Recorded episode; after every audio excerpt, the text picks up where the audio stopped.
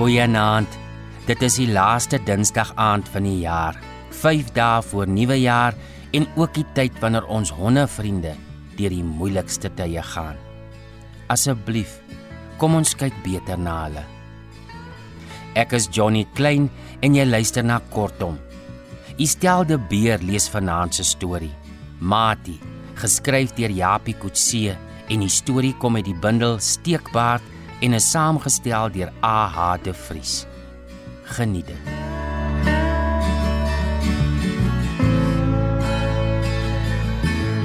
Preacher, can you tell me? Cause I really want to know. Will there be dogs in heaven?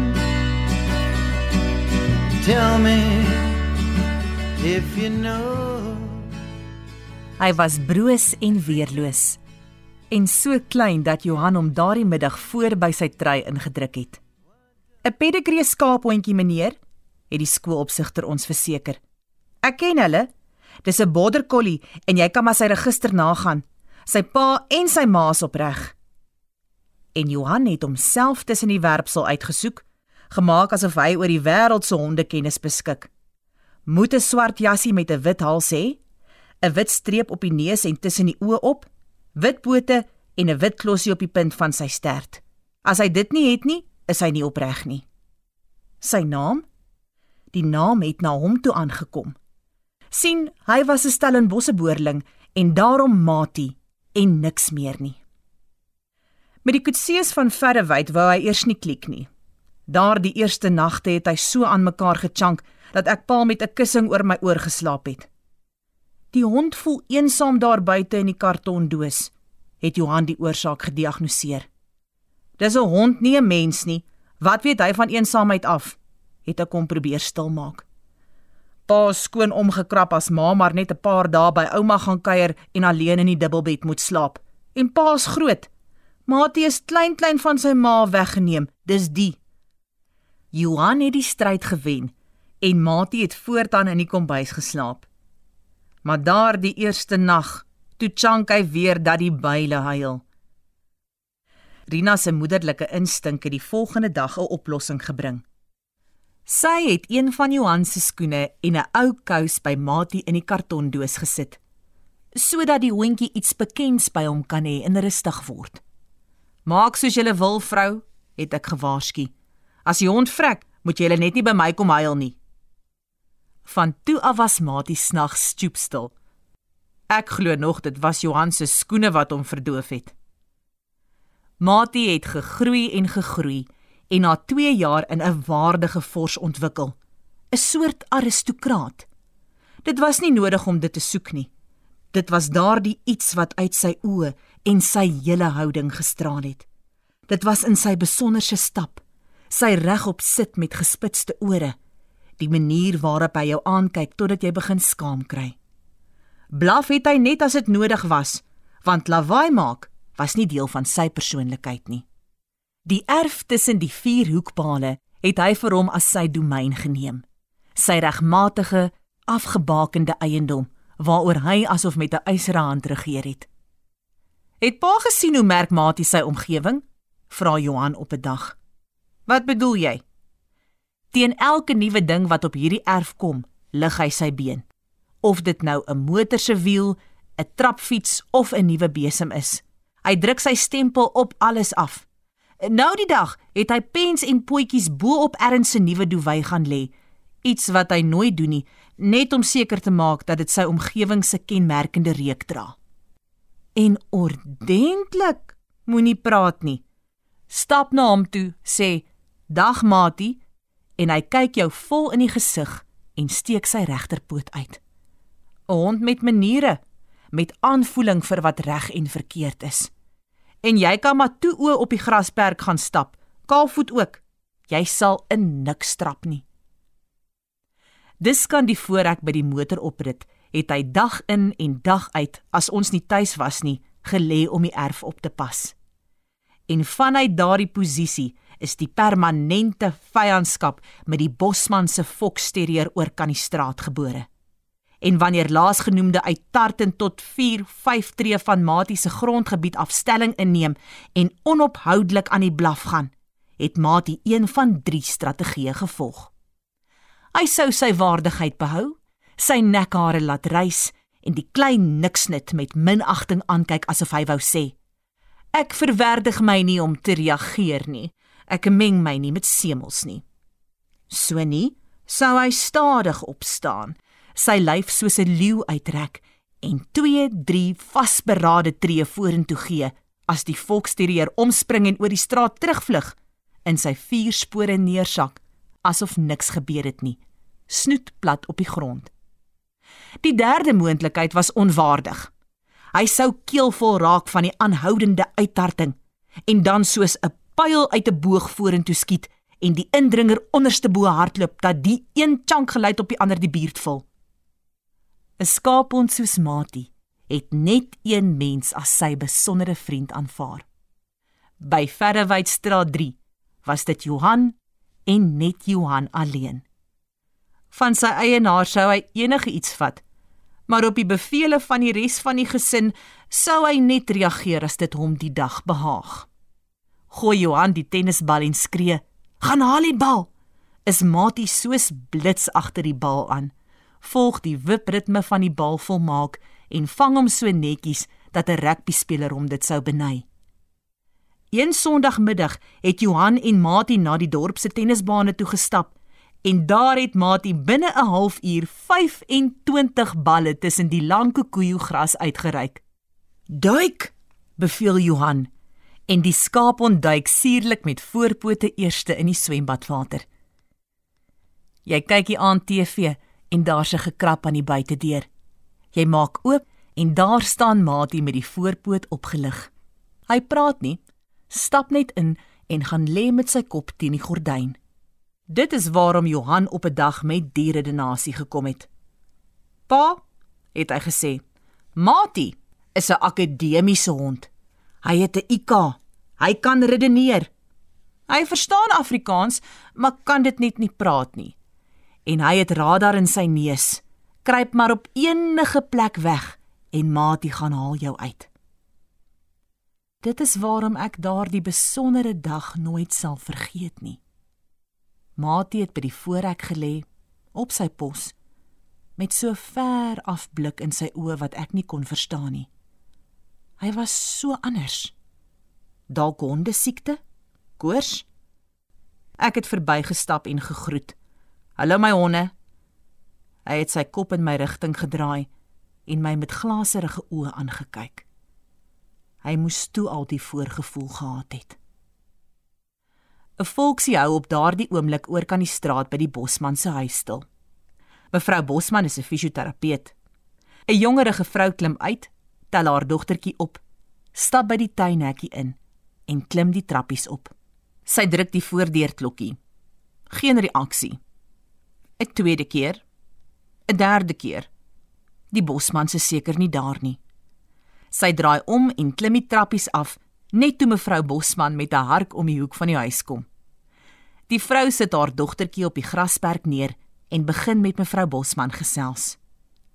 Die volksterrier lek aan klein Elsabie se hand, waai sy stompstertjie en draf dan voorek toe waar hy die skaaphond oor kan die straat 'n paar oomblikke asof nadenkend betrag. Klein Elsabie waggel agter die volksterrier aan. Die klein uittarter maak hom gereed vir die gewone ritueel. Ligvoets draf hy oor die straat tot op 'n veilige afstand. Dan begin hy oorverdowend blaf terwyl sy voorlyfie uitdagend heen en weer swaai. Maatie roer nie. Betrag net sy opponent asof onbelangstellend met dieselfde glaserige uitdrukking in sy oë. Die volksterrier kom nader en nader. Op 'n afstand van 4-5 tree kom Matie oorrent. Vir die uittarter is dit onverwags. Hy tuimel agteroor van die skrik, kom weer op sy pote en laat spaander terug huis toe tot binne in die oorkantste erf. Matie roer nie. Tier net na die dogtertjie wat van die sypaadjie se randsteen afklim. Daar is die dreuning van 'n voertuig wat in die straat afkom.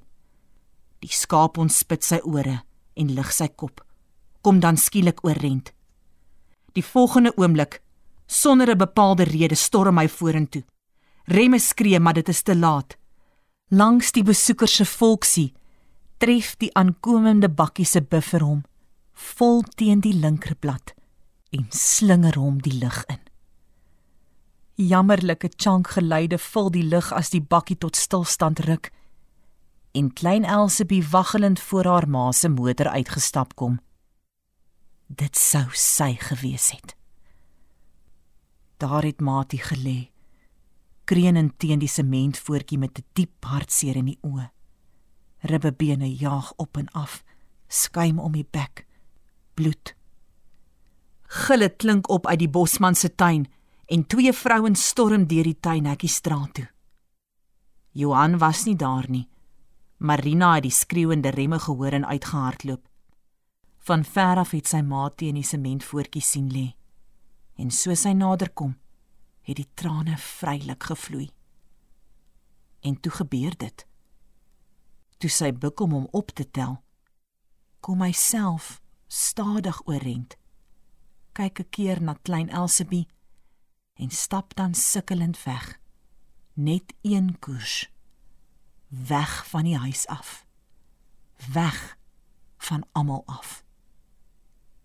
Ons kon hom nêrens kry nie. Almal het gesoek, lank gesoek. Ook die vrou met die volksie, maar hy was net weg. En toe die donkerte later toesak en ons bekommernis groei, het ek en Johan nog 'n keer 'n soektog optou gesit agter elke struik, om elke hoek, oral rond gevra, maar dit was te vergeefs. Niemand kon sê nie. Johan het die nag geen oog toegemaak nie. Ek en Rina ook nie. 6:00 die volgende oggend het ons weer begin soek. Straat op, straat af, agter elke bos, onder elke struik. Niks. 3 dae lank het ons vrugteloos geroep gepleit. Ja, gebid en toe opgehou. Gewonder agter watter bos hy beswyk het. Ons gesin was verpletter. En toe teen sononder van die derde dag het hy by die tuinhek ingestrompel. Uitgeteer, verwese. 7-8 tree van die kombuisdeur af het hy gaan staan toe Rina by die deur uitkom. Hy het haar vraend aangekyk. Soos iemand wat wonder wat die ander van hom dink. Ons het hom gou by die veearts gehad, maar hy het nooit heeltemal herstel nie. Nooit weer by die hek gaan lê nie. Dit was asof hy toe hy weg was daai 3 dae loop duidelikheid soek het oor hoe lank en hoe ver roeping strek en plig. I recall the day you wandered in my life. A ragged soul with sad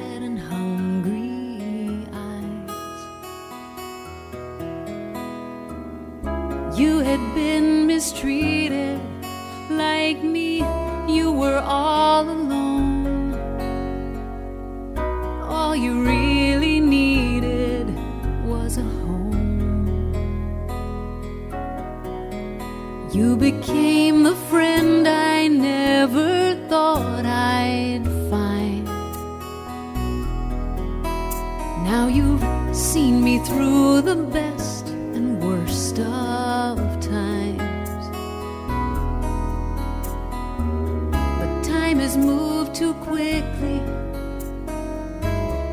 time has not been kind.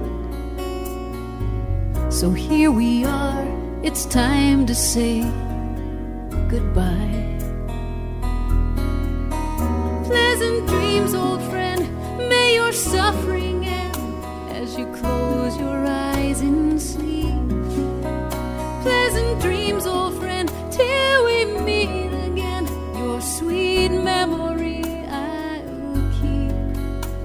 be loving you and missing you. Oh. Mati is geskryf deur Japie Kutse en was voorgeles deur Estel de Beer.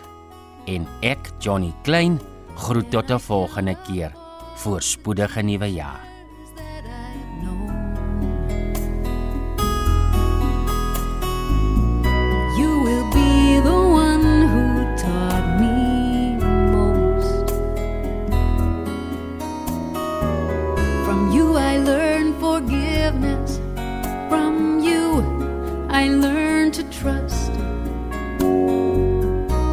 Most of all, you showed me how to love. Pleasant dreams, old friend. May your suffering end as you close your eyes in sleep. Pleasant dreams, old friend, till we meet again. Your sweet memory I'll keep. I'll be loving you and missing you,